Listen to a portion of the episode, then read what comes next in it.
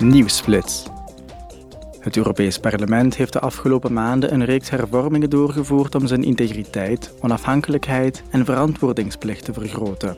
Zo moet de instelling worden beschermd tegen pogingen tot inmenging en moeten daartoe de achterdeurtjes worden gesloten. Volgens de voorzitter van het parlement, Roberta Metsola, zorgen de hervormingen voor een sterkere integriteit van de systemen, maken ze de besluitvorming transparanter en versterken ze het parlement als geheel. Een delegatie van de subcommissie Belastingaangelegenheden is momenteel in Singapore.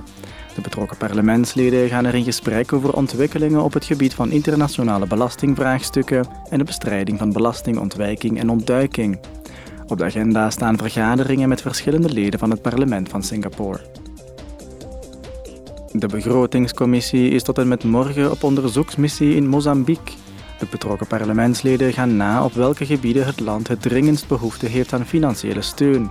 Ze zullen daar niet alleen een ontmoeting hebben met plaatselijke autoriteiten en het parlement van Mozambique, maar ook met humanitaire partners zoals bureaus van de Verenigde Naties, de Wereldbank en Europese agentschappen die EU-programma's uitvoeren.